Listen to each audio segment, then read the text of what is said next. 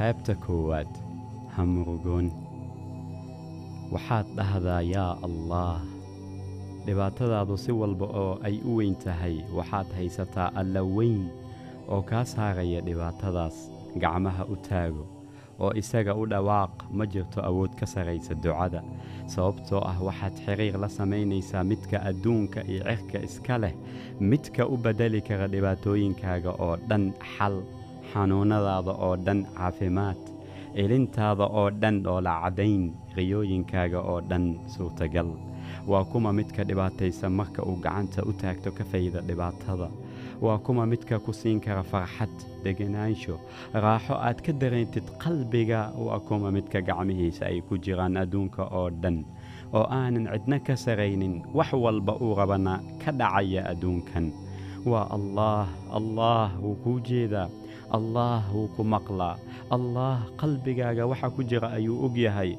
Haddii murugta ay kuugu siyaado fiiri samadda sida ay u weyn tahay iyo allaha samaddaas abuuray in ay xaaladaada ka qoorsoonayn kadibna dhoola cadeey naxariista alleh marna ha ka quusan inta aad nooshahay haddii uu adduunka oo dhan ciriiri kuugu noqdo oo aad darayntid culays sida adduunka oo dhan in dushaada la saara oo kale waxaad dhahdaa yaa allaah haddii aad darayntid murug cabsi welwel iyo walbahaar oo aad weydid waddo aad murugtaas ugu baxdid waxaad dhahdaa yaa allaah haddii lagugu imtixaanay jiro aadan habeenkii seexanaynin ilaa adiga oo xanuunsan subaxdii marka aad soo kacdid la kacayo adiga oo ku haya xanuun waxaad dhahdaa yaa allaah haddii wax kasta kaa qaldamaan oo qorsho walba oo aad samaysay kuu shaqayn waayo waddada aad ku socoto kula noqoto buur aad korayso waxaad dhahdaa yaa allaah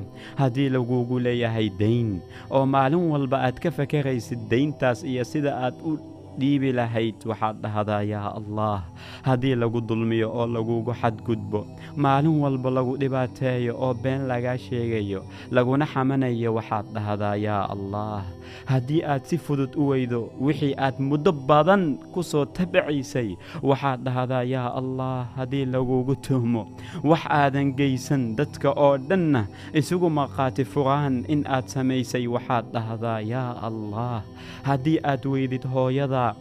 carruurtaada xaaskaaga gurigaaga shaqadaada iyo waxbarashadaada waxaad dhahdaa yaa allaah allaah wuxuu leeyahay addoommadayda waan u dhowahay waana ka aqbalaa ducada. Marka ay wax i weyddiistaan mar walba aad dhib darayntid gacmahaaga samadda u taago waxaad dhahdaa oo aad ku celcelisaa. Ilaahayow aniga waxaa i taabtay dhib adigana waxaad tahay mid naxariis badan. Ilaahayow xaaladda aan ku suganahay waad u jeeddaa adiga ayaana iga bixin kara xaaladdan ilaahayow iga bixi oo qalbiga ii qabooji. Ilaahayow waxaan dulmiyey naftayda. Haddii aadan ii dembi dhaafin oo aadan ii naxariisan waxaan ahaanayaa kuwa khasaaray ilaahayow ka yeel indhahayga kuwa arka waxa wanaagsan. Carabkayga mid khayr ku hadla gacantayda mid dadka u gargaarta qalbigayga mid cafis badan naftayda mid ku mashquusha wax faa'iido leh. Ilaahayow ii rumayriyadayda ii iftiimi mustaqbalkayga igaarsii guul io barakay wakhtigayga ilaahayow isii sabar iyo adkaysi. Marka wixii aan qorshaystay u shaqayn waayaan sidii aan u rabay. Ilaahayow adiga ayaa garanaya wixii ii wanaagsan ee igu caawi in aan aqbalo qadarta iyo wixii aad ii qortay. Ilaahayow waxaa i taabtay dhib adigana waxaa tahay rabbi naxariista nebi ayuub waxa alle uu siiyey afar iyo toban carruur xaas fiican iyo xoolo badan. Waxa uu lahaa dad badan oo u adeega kana shaqeeya hantidiisa. Waxa kale uu lahaa beero waaweyn oo ay ka baxaan dhammaan qudrado kala duwan. Waxaana u dheeraa intaas nebinimo iyo cibaado badan. Waa nolol raaxa leh oo qof kasta hamiyo inuu ku noolaado. Muddo toddobaatan sanno ah ayuu ku noolaa nimco iyo barwaaqo. Nebi ayuub xaaladdiisa hal mar ayay isbeddeshay waxa ku dhacay xanuun oo uu la kici waayey kadibna xoolihii iyo shaqaalihii ayaa ka baxay. Sidoo kale waxaa ka geeriyooday dhammaan carruurtii uu dhalay oo mid mid u dhintay. Waxaa ehelkiisa ka soo haray xaaskiisa oo ahayd xaas fiican waxayna noqotay gabar faqiirad ah. Waxay dantii ku kaliftay inay shaqo tagto oo ay ka qidmayso guryaha si ay u hesho nolol maalmeedkeeda nebi ayuub wuu sabray wuxuu ahaa qof aan ka caajisin dikriga alleh nebi ayuub jirkiisa qayb ka mid ah ayaa marba go'aysay dadkii oo dhan way ka tegeen. Marka laga reebo xaaskiisa oo iyadu ku mashquushay daryeelkiisa iyo cuntasiintiisa. Maalin maalmaha ka mid ah ayaa xaaskiisa ku dhahday nebi ayuub maxaad alla u weyddiisan weyday in uu dhibta kaa qaado? Nebi ayuub waxa uu ku dhahay ma xasuusataa inta sane ee aan caafimaadka qabay xoolana haystay. Xaaskiisa waxay dhahday haa toddobaatan sanno ayaad caafimaad qabtay oo ku noolayd nolol barwaaqo leh wuxuu dhahay nebi ayuub. Alle waxa uu ii barwaaqeeyey toddobaatan sanno ee miyaanan dhibka u samraynin toddobaatan sanno oo kale. Nebi ayuub waxa uu sabray muddo dhan siddeed iyo toban sanno oo dhibtu marba marka ka dambaysa ay ku sii kordhaysay ugu dambayntii xaaskiisa waxaa loo diiday shaqadii dadkiina albaabada ayay ka soo xirteen. Kadib markii ay aragtay in aanan wax cunto ah haynin ayay iska jartay timahaadii oo iibgaysay markaas ayay ku soo gadday cunto si ay ninkeedii u siiso. Cuntadii ayay u keentay nebi ayuub. Markaas ayuu weyddiiyey xaaskiisa. Meeshii ay ka keentay cuntada sababtoo ah wuxuu ogaa in shaqadii loo diiday xaaskiisa ma rabin in ay u sheegto laakiin nebi ayuub wuu ku adkaystay waana ku celceliyey kadibna way u sheegtay in ay gadday timahaadii.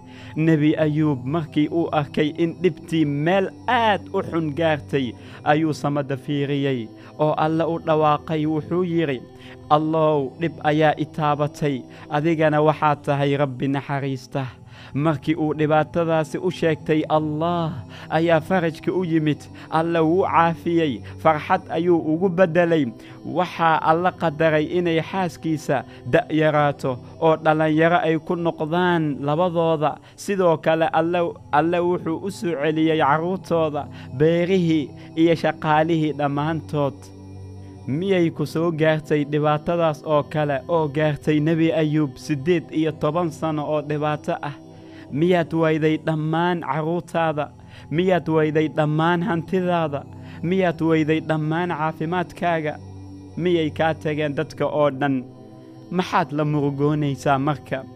nolosha miyaad nacday dad badan ayaa jiro xanuunsan oo isbitaallada jiifa oo ay ku xidhan tahay oksijiin neefta wax kasta ayay ku bixinayaan si ay u sii noolaadaan. Lacag badan oo aadan haysan miyaad ka murugaysan tahay dadka adduunka ugu badan? Waa dad aan wax haysan qaar badan waxay ku nool yihiin hal doollar wax ka yar maalintii qof ayaa war kaa sheegay ayaa la murugaysan tahay miya. Qaar baa xorriyaddoodii waayay oo xabsiga dhex jiifa. Ma qof aad jeclayd ayaa kaa tegay oo la murugoonaysaa ma og tahay in toddoba bilyan oo qof adduunkan ay ku nool yihiin? Haddaba sida nebi ayuub oo kale gacmahaaga samadda u taago waxaad dhahdaa ilaahayow iga qaad dhibaatada adiga ayaa arrintaas awooda. Shalay maanta iyo berito. Noloshu way qurux badan tahay ee ku raaxayso. Waa hadiyad qaali ah hana ka murugoon shalay. Waayo waa la soo dhaafay hana ka weliwelin beri. Waayo lama gaarin ka feker maanta kana dhigo maalin qurux badan shalay in laga murugoodo. Wixii tegey wakhtiga ayuu kaa khasaarinayaa. Wixii tegey waa taariikh. Ma tirtiri kartid waxna kama beddeli kartid. Waxay ahaayeen wax qoran. Sabab ayayna ku dhaceen. Bilow nolol cusub iska ilow wixii aad soo martay wixii ku dhaawacay wixii ku dhibaateeyey shaqo aad weyday guri kaa gubtay xiriir kaa xumaaday nin kaa tegey habeenay ku khiyaantay dhammaan iska ilow sababtoo ah ma soo celin kartid way dhammaadeen. Qofka maanta oo dhan ka murugoonaya wixii tegey waa qof raba in uu ilmaha la dhalay ku celiyo caloosha hooyada. Elinta oohintana ku celiyo isha maalintii ku celiyo habeen la soo dhaafay. Suurtagal ma ahan ee noolow hadda kuna raaxayso iskana ilow wixii tegey waa tegey fikirka ah waxaa fiicnaan lahayd haddii aan sidaas samayn lahaa iyo maxaan sidaas u sameeyey kuma caawinayso ee waxay kuugu mashquulinaysaa feker aan xal lahayn. Nebiga sala allahu calayhi wasallam wuxuu leeyahay haddii ay kuugu dhacdo arrin ha dhihin haddii aan sidaas iyo sidaas samayn lahaa. Laakiinse waxaad dhahdaa qadara allaahu wamaa shaa'a facal hadalka haddii waxay kuugu furaysaa shaqooyinka shaydaan waa in aad kala doorataa in aad hore u socoto oo nolol cusub bilowdo iyo in aad ku noolaato xasuus wixii aad soo martay iyo ka sheekayn taariikh tagtay. Taas waa go'aan adiga keli ah aad gaari karto.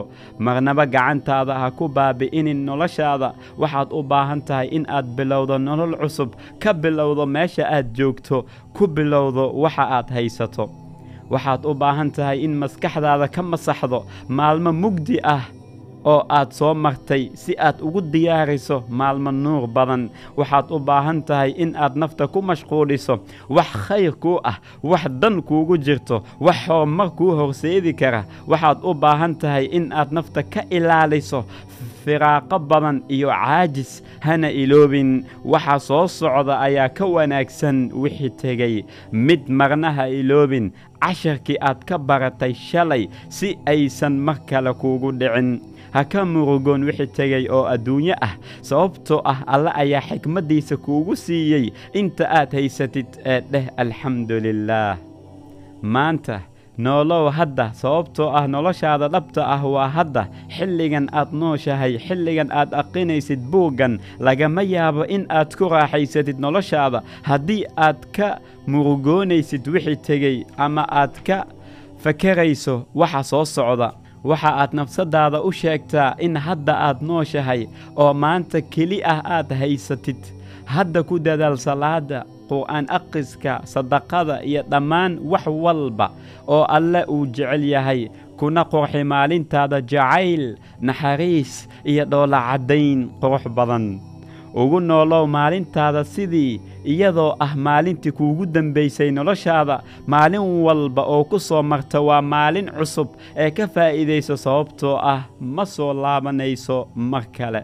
Noloshu waa hadda lagu daray hadda lagu daray hadda waa nolol wixii tegey waa xasuus ku jirta maskaxdaada oo ahaa haddadii la soo dhaafayey. Ma ahan wax la taaban karo. Sidoo kale waxa soo socda waa sabir ku jira maskaxdaada oo aad ku riyoonaysid isaguna ma ahan wax la taaban karo oo xaqiiq ah. Waa haddada soo socda. Waxa keliya ee aad haysatid waa maanta waa saacaddan waa daqiiqaddan waa hadda hadda ayaad maamuli kartaa. Hadda ayaa gacmahaaga ku jira. Haddii aad hadda si fiican ugu faa'iidaysatid waxaad haysataa hadhow xasuus qurux badan. Nebiga sala allahu calayhi wasallam wuxuu yidhi haddii aad waabariisatid ha sugin galabtii. Haddii aad galabaysatidna ha sugin subaxda. Berito ha ka welwelin in badan waxa kaa maqan ee mustaqbalka ah alle ayaa garanaya waxaa dhici doona xoogga saar in aad wanaajiso maanta iyo waxa aad haysato. Ha ka horumarin maalmaha. Ma waxaad rabtaa in aad cuntid tufaax aanan soo bixin berita ma ahan wax la taaban karo oo xaqiiq ah. Marka maxaad ugu murugoonaysaa maalin aanan qoraxdeeda soo bixin. Ha ka murugoon waxa soo socda oo aadan ogayn in aad noolaanayso iyo in kale talada rabbigaaga u dhiibo. Xasuusnow inaan cidna kuu diidi karin wixii laguu qoray nebiga sala allahu calayhi wasallam wuxuu yidhi ogow haddii ummadda oo dhan isugu tagto in ay wax kuu tarto waxaan alle kuu qorin kuuma qaban karaan. Haddii ay isugu tagaan in ay dhib ku gaarsiiyaan kuma gaarsiin karaan waxaan laguu qorin. Ogow in nafi aysan dunidan ka tegayn ilaa ay ka dhammaysato wixii alle u qoray. Haddii ay tahay risqi hanti caafimaad carruur lamaane iyo nolol wanaagsan. Mustaqbalkaagu waxay gacanta ugu jirtaa rabbigaaga og xaaladdaada wuu kuu naxariistay xilli uu ku abuuray adduunka ayuu ku keenay wax kasta oo dunidan ku jira adiga ayuu kuu abuuray. Nimco kasta oo hadda aad haysatidna isaga ayaa ku siiyey. Marka soo ma ahan in rabbi kasta agtiisa aad ka sugto mustaqbal wanaagsan alla wuxuu jecel yahay kuwa tala saarta. Ha murugoon. Ha ku dhuminin wakhtigaaga tirinta dhibaatada yaysan kuu muuqan keliya waxyaabaha aadan haysan. Xasuuso oo ku mahadceli nimcooyinka alle ku siiyey ha murugoon. Murugtu waxay ku soo xasuusinaysaa wixii tegey waxayna kaa cabsigelinaysaa waxa soo socda. Maalintaada oo dhan way baabbi'inaysaa ha murugoon. Murugtu waa wakhti lumis waxba ma beddeli karo. Wuxuu wareerinayaa maskaxdaada wuxuuna kaa xadayaa farxaddaada. Ha murugoon habeen kasta oo mugdi ah waxaa ka dambeeya maalin iftiin badan. Culays waxaa ka dambeeya waa fudayd. Ha murugoon xanuunka waa laga caafimaadi. Dhibaatadu way dhammaanaysaa dunuubta waa la dhaafayaa daynta waa la bixinayaa. Qofka maqanna wuu imaanayaa qaladkana waa la saxayaa. Ha murugoon waxaad leedahay laba indhood aad wax ku aragtid laba dhegood aad wax ku maqashid laba lugood aad ku socotid laba gacmood oo aad wax ku qabatid meel aad seexatid maskax aad ku fakartid qalbi aad wax ku dareentid haddii aad tirisaan nicmada alle ma koobi kartaan. Ha murugoon nolosha wixii lagugu talgalay waad helaysaa xitaa haddii ay laba buur hoostooda ku jiraan.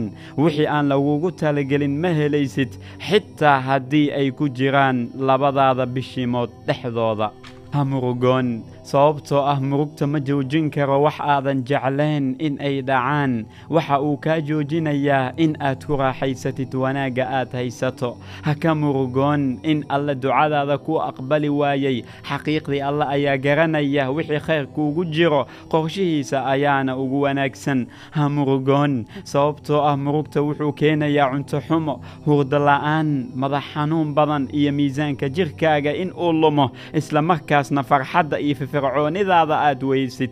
Ha murugoon. Haddii aadan joogin meeshii aad rabtay alla ayaa garanaya meeshii kuu roon. Samir kuna qanacsanow meesha aad joogto. Ha murugoon. Xilligan oo aad neefsatay adiga oo caafimaad qaba qof ayaa qaatay neeftiisa u dambaysay oo adduunka ka tegey ha murugoon haddii guuldaro iyo fashilku soo gaaray ku farax in aad cashar ka baratay ogow in qof kasta oo guulaystay uu soo maray guuldarooyin badan ha murugoon haddii aysan dadka ku jecleen adiga naftaada jeclow ha isu beddelin hana iska dhigin qof aadan ahayn si dadka kale ay kuu jeclaadaan.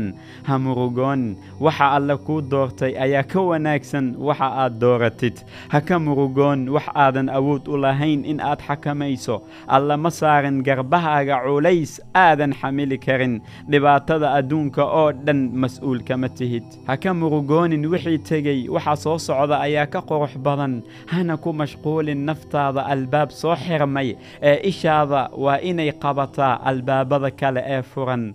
Ha ka murugoon haddii qofka aad adduunka ugu jeclayd kuu caddeeyo in aadan agtiisa wax qiimo ah ku lahayn sababtoo ah waxa uu kuu baneeyey waddada si aad u aragto qof isaga ka wanaagsan oo ka muhiimsan oo ka fadli badan. Abuubakarow ha murugoon alla ayaa nala jira ha murugoon oo waxaad soo xasuusataa markii nebiga sala allahu calayhi wasallam uu ku yidhi abuubakar abuubakarow ha murugoon welwelka iska fogeey sababtoo ah alla ayaa nala jira. Abuubakarow madaxaaga kor u qaad niyaddaada deji qalbigaaga qabooji sababtoo ah alla ayaa nala jira. Abuubakarow ku bishaarayso guul nasrigana sug sababtoo ah alla ayaa nala jira. Abuubakarow beri fariinta aan sidno waa sare maraysaa dacwadeedana way soo muuqanaysaa kelmaddeedana. Waa la maqli doonaa sababtoo ah alla ayaa nala jira. Abuubakarow beri dadka adduunka ku nool way maqli doonaan.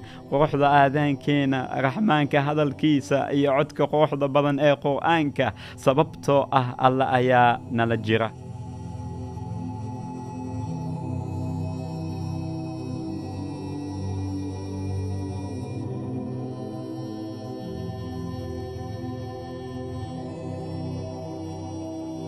daawada murugta. Waxaan halkan kuugu soo gudbinayaa toban arrimood haddii aad la timaadid murug iyo dhibaato walba aad uga bixi kartid. Midka koowaad tuko laba ragcadood oo xiriir la sameey allaah nebiga sala allahu calayhi wasalam haddii ay murug qabato wuxuu u istaagi jiray salaadda markaas ayuu dareemi jiray raaxo alla wuxuu leeyahay kaalmaysta sabarka iyo salaadda. Midka labaad xuska alle ayay quluubtu ku xasilaan. Badi dikriga allaah si uu qalbigaaga u dego nafsadaada u faraxdo nebiga sala allahu calayhi wasalam wuxuu leeyahay qofkii joogteeya istikfaarta wuxuu alle ugu yeelaa hammi walba faraj ciriiri walba meel loogu baxo wuxuu ku arsaaqaa meel uusan ka filanayn. Iyo ducada nebi yuunis laa ilaaha ilaa anta subxaanaka innii kuntu min aldaalimiin waa furaha farxadda ee allana siiyey hana iloobin adkaarta subaxdii iyo galabtii kuna celceli xasbuna allah wa nicma alwakiil midka saddexaad waxaad qalbigaaga ku qaboojisaa aayadda alleh naguma dhaco wax alla noo qoray mooye markaas ayaad dareemaysaa waxa alle kuu doortay in ay ka wanaagsan tahay wax adiga aad dooratay. Iyo xadiiska nebiga sala allahu calayhi wasalam waxaa la yaab ah arrinka qofka mu'minka ah. Arrimihiisa oo dhan waa khayr. Waxay goonni u tahay ruuxa mu'minka oo keliya. Haddii uu la kulmo wax wanaagsan wuu farxaa. Oo wuu ku mahadnaqaa haddii dhibaato ku dhacdana. Wuu ku sabraa waxayna u noqotaa khayr. Midka afaraad alla dembi dhaaf weydiiso. Nin ayaa maalin u yimid xasan albasriy wuxuu ka cabanayey roob nooma di'in maalmahan abaar daran baana haysta.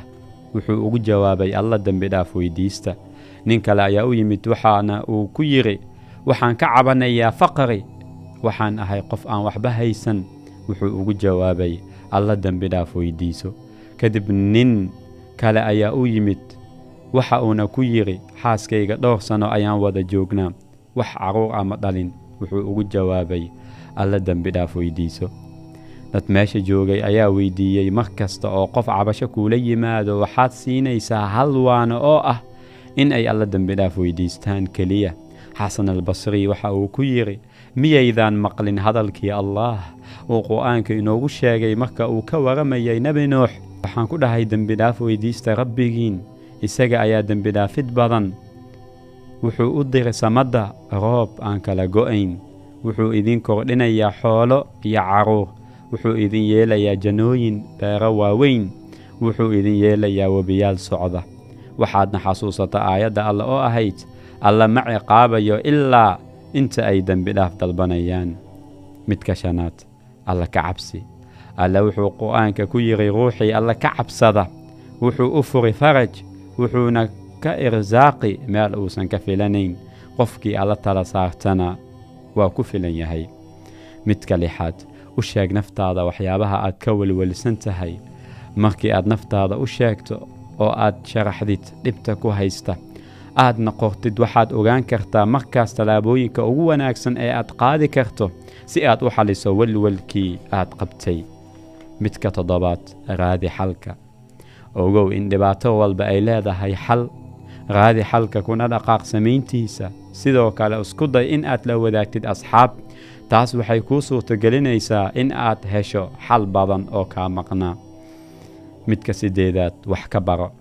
Dadka qaarkood waxay la yaabaan ama isweydiiyaan sababta dhibaatada ugu soo noqnoqonayso.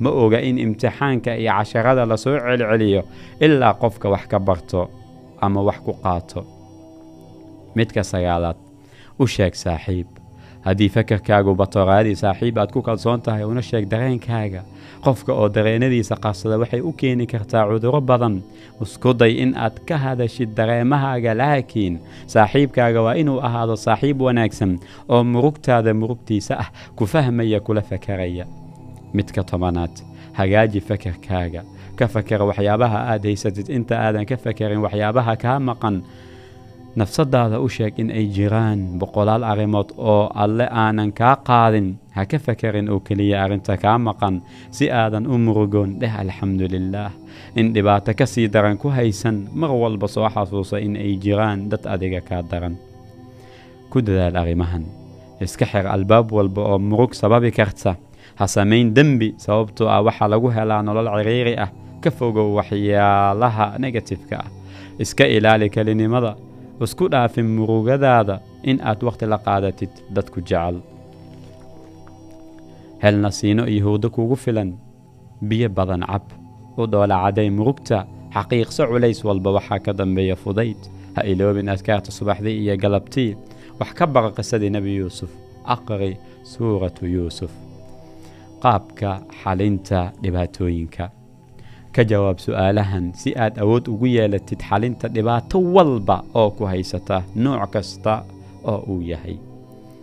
Su'aasha koowaad waxaad qeexdaa dhibaatada ku haysata. Su'aasha labaad halkee ayay asal ahaan ka timid dhibaatada? Su'aasha saddexaad maxaa ka sii dhib badnaan lahayd haddii uu kugu dhici lahaa? Midka afaraad qor waxyaabaha aad ku xalin kartid dhibaatada. Kadibna dooro xalka ugu fiican ee aad ku xalin karto dhibaatada kadibna dhaqangeli arrintaas.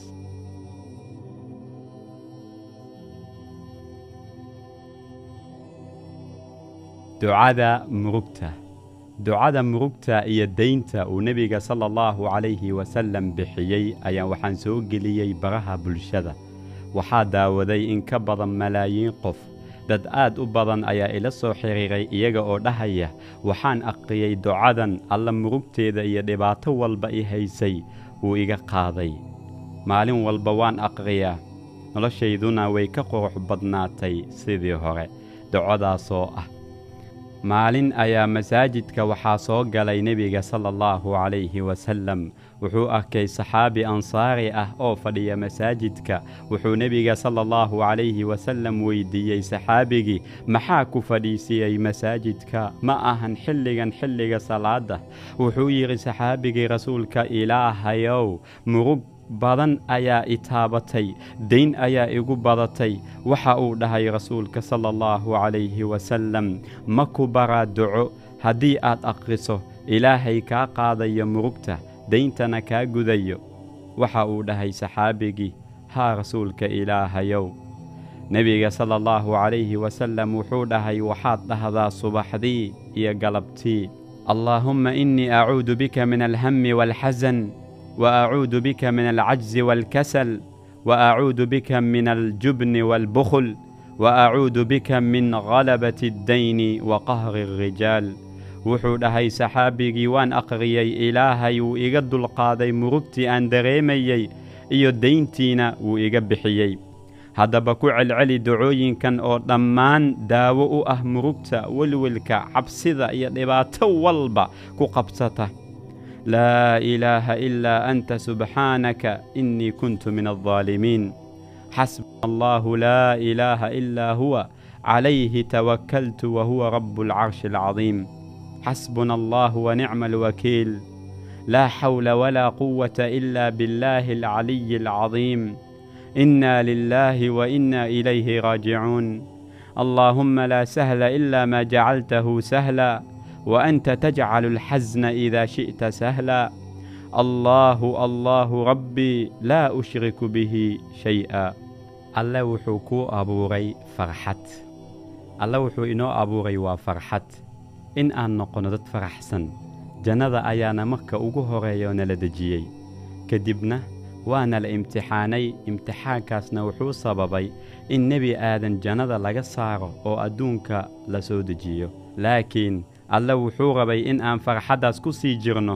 Wuxuu inoo soo diray nebiyaal iyo manhaj kutubo. Haddii aan raacno aan ku noolaanayno nolol farxad badan.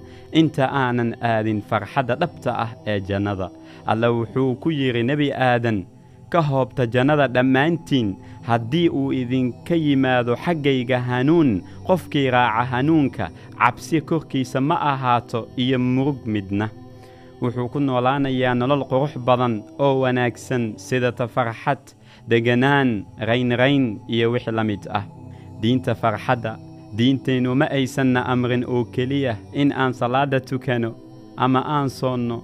Laakiin sidoo kale wuxuu allana amray in aan faraxno. Hadafka cibaadada oo dhan waxay tahay in aan noqonno dad faraxsan oo ku noolaada nolol wanaagsan alle wuxuu leeyahay waxaad dhahdaa fadliga alleh iyo naxariistiisa arrintaas ha ku farxeen mu'miniinta.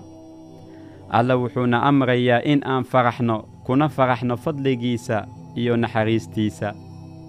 Sidee ayaan u farxi weynay annaga oo haysana boqorka bixiya farxadda? Midka gacmihiisa wax walba ay ku jirto allaah. Dadka qaarkood waxay u maleeyaan in ay diinta islaamka tahay mid mashaqo badan oo adag xujo badan waxay iloobeen. In uu alla leeyahay qur'aanka maanan u soo dejin in aad ku dhibaatooto. Ee waxaan u soo dejinnay waa farxad sidaas ayay leeyihiin culimmada mufasiriinta ah. Diinteennu waa diin naxariis iyo fudayd ah. Ummaddana ilaahay kuma kalifin wixii ay awoodaan mooye. Waxa aad camal samaysid abaalmarintiisa waad helaysaa sida alle uu qur'aanka uu ku leeyahay ilaahay kuma kalifin nafna waxay awoodda mooye. Ilaahayna wuu ka dulqaaday wixii mashaqo ku ah muslimiinta. Waxa uuna nala rabaa fudayd alle wuxuu leeyahay ilaahay wuxuu idinla rabaa fudaydka mana idinla rabo culayska nebiga farxadda. Tusaale waxaa inoo ah midka aan jecelnahay xabiibkeenna moxamed sala allahu calayhi wasallam wuxuu ahaa farxad socota. Waa midka adduunka baray waxa ay tahay farxadda dhabta ah. Qof walba wuu ka farxin jiray wuu la kaftami jiray wuu u naxariisan jiray. Dhoolacadayntuna waxay ahayd mid mar walba wejigiisa ka muuqata. Cabdullaahi bna xaaris wuxuu leeyahay maan arkin cid ka dhoolacaddayn badan rasuulka sala allahu calayhi wasallam haweenay duq ah ayaa u timid nebiga sala allahu calayhi wasallam oo ku dhahday rasuulka ilaahayow ii bari allaah si uu ii geliyo jannadiisa. Wuxuu dhahay nebiga sala allahu calayhi wasallam jannada ma galaan islaamuhu. Markaas ayay laabatay iyada oo murugaysan oo ooynaysa markaas ayaa nebiga dhahay ma gelaysid adiga oo waayeel ah ee da'daada ayaa la yaraynayaa miyaanad aqrin aayadda qur'aanka? Innaa ansha'naahunna inshaa'a fajacalnaahunna abkaara. Annagaa da'yarayn habeenka jannada kana dhigi kuwa bikrooyin ah. Saxaabiga jariir wuxuu leeyahay nebiga imuu arkin inta aan soo islaamay haddii uu i arkana wuu qosli jiray waa rasuulka allaah waxa uu haddana ahaa imaam macallin xaakim qaadi hoggaamiye ciidan sidoo kalena wuxuu ahaa aabba naxariis badan nin u samafala xaasaskiisa iyo saaxiib oofin badan balamihiisa haddana isaga oo waxaas oo howlo ah ku guda jiray ayuu qoslayey oo kaftamayey wuxuuna ku ducaysan jiray allow waxaan kaa magangalay murugo sababta naloo imtixaanayo. Mar aan muxaadaro ka jeedinayay dalka finlan ayaa dhallinyaro waxay i weyddiiyeen su'aasha ah alle haddii uu inoo abuuray farxad waa maxay sababta naloo imtixaanayo? Waa maxay sababta aan murug u dareemayno? Markaas ayaan aniguna weyddiiyey su'aal maxaa loo sameeyey gaariga baabuurka? Soo ma ahan in uu socdo haddii loo sameeyey gaariga in uu socdo maxaa sidoo kale loogu sameeyey bareeg ama fariin? Bareegga soo kama hor jeedo socodka. Waxay ku jawaabeen dhallinyartii gaariga si loo istaajiyo haddii kale qofka shil ayuu ku geli karaa ama wuu ku dhiman karaa. Qofka amnigiisa ayaa ku jira bareegga waxaan ku dhahay markaas alle wuxuu inoo abuuray farxad sidoo kalena murugta waan u baahannahay sababtoo ah. Midka koowaad shayga lama fahmi karo haddii uusan jirin wax kale oo ka soo horjeedo. Tusaale farxadda qiimaha ay leedahay lama fahmi karo haddii uusan jirin murug. Caafimaadkana lama fahmi karo haddii uusan jirin xanuun. Dhibaatadana lama fahmi karo haddii uusan jiri lahayn fudayd ibni aadamka nicmada uu haysto ma dareema ilaa marka uu waayo. Midka labaad xornimo iyo doorasho. Haddii qofka farxad oo keliya lagu noolayn lahaa waxaa meesha ka bixi lahayd xornimada iyo doorashada ee alle qofka siiyey wax walba sabab ayay leeyihiin. Qofka bini'aadamka murug walba oo uu dareemo ama dhibaato walba ku timaada waa wax isaga gacmihiisa ku kasbaday. Waxaa laga yaabaa in dembi uu sameeyey ama waddo qaldan in uu qaaday. Qofka wuxuu haystaa xornimo in uu wanaagga sameeyo oo adduunka janno ugu noolaado ama xumaan kadibna maalin walba welwel ku noolaado. Tusaale qofku haddii uu lacag dayn ah qaato kadibna dayntaas bixin waayo. Qofka lacagta ku lahaa maalin walba weyddiinayo lacagtiisa. Murugta qofkaas dareemaya soo ma ahan wax isagu gacmihiisa ku kasbaday oo doortay. Marka ugu horreeya in uu lacag qof kale ka qaato. Midka saddexaad guusha ma timaaddo haddii aan loo dhibtoon.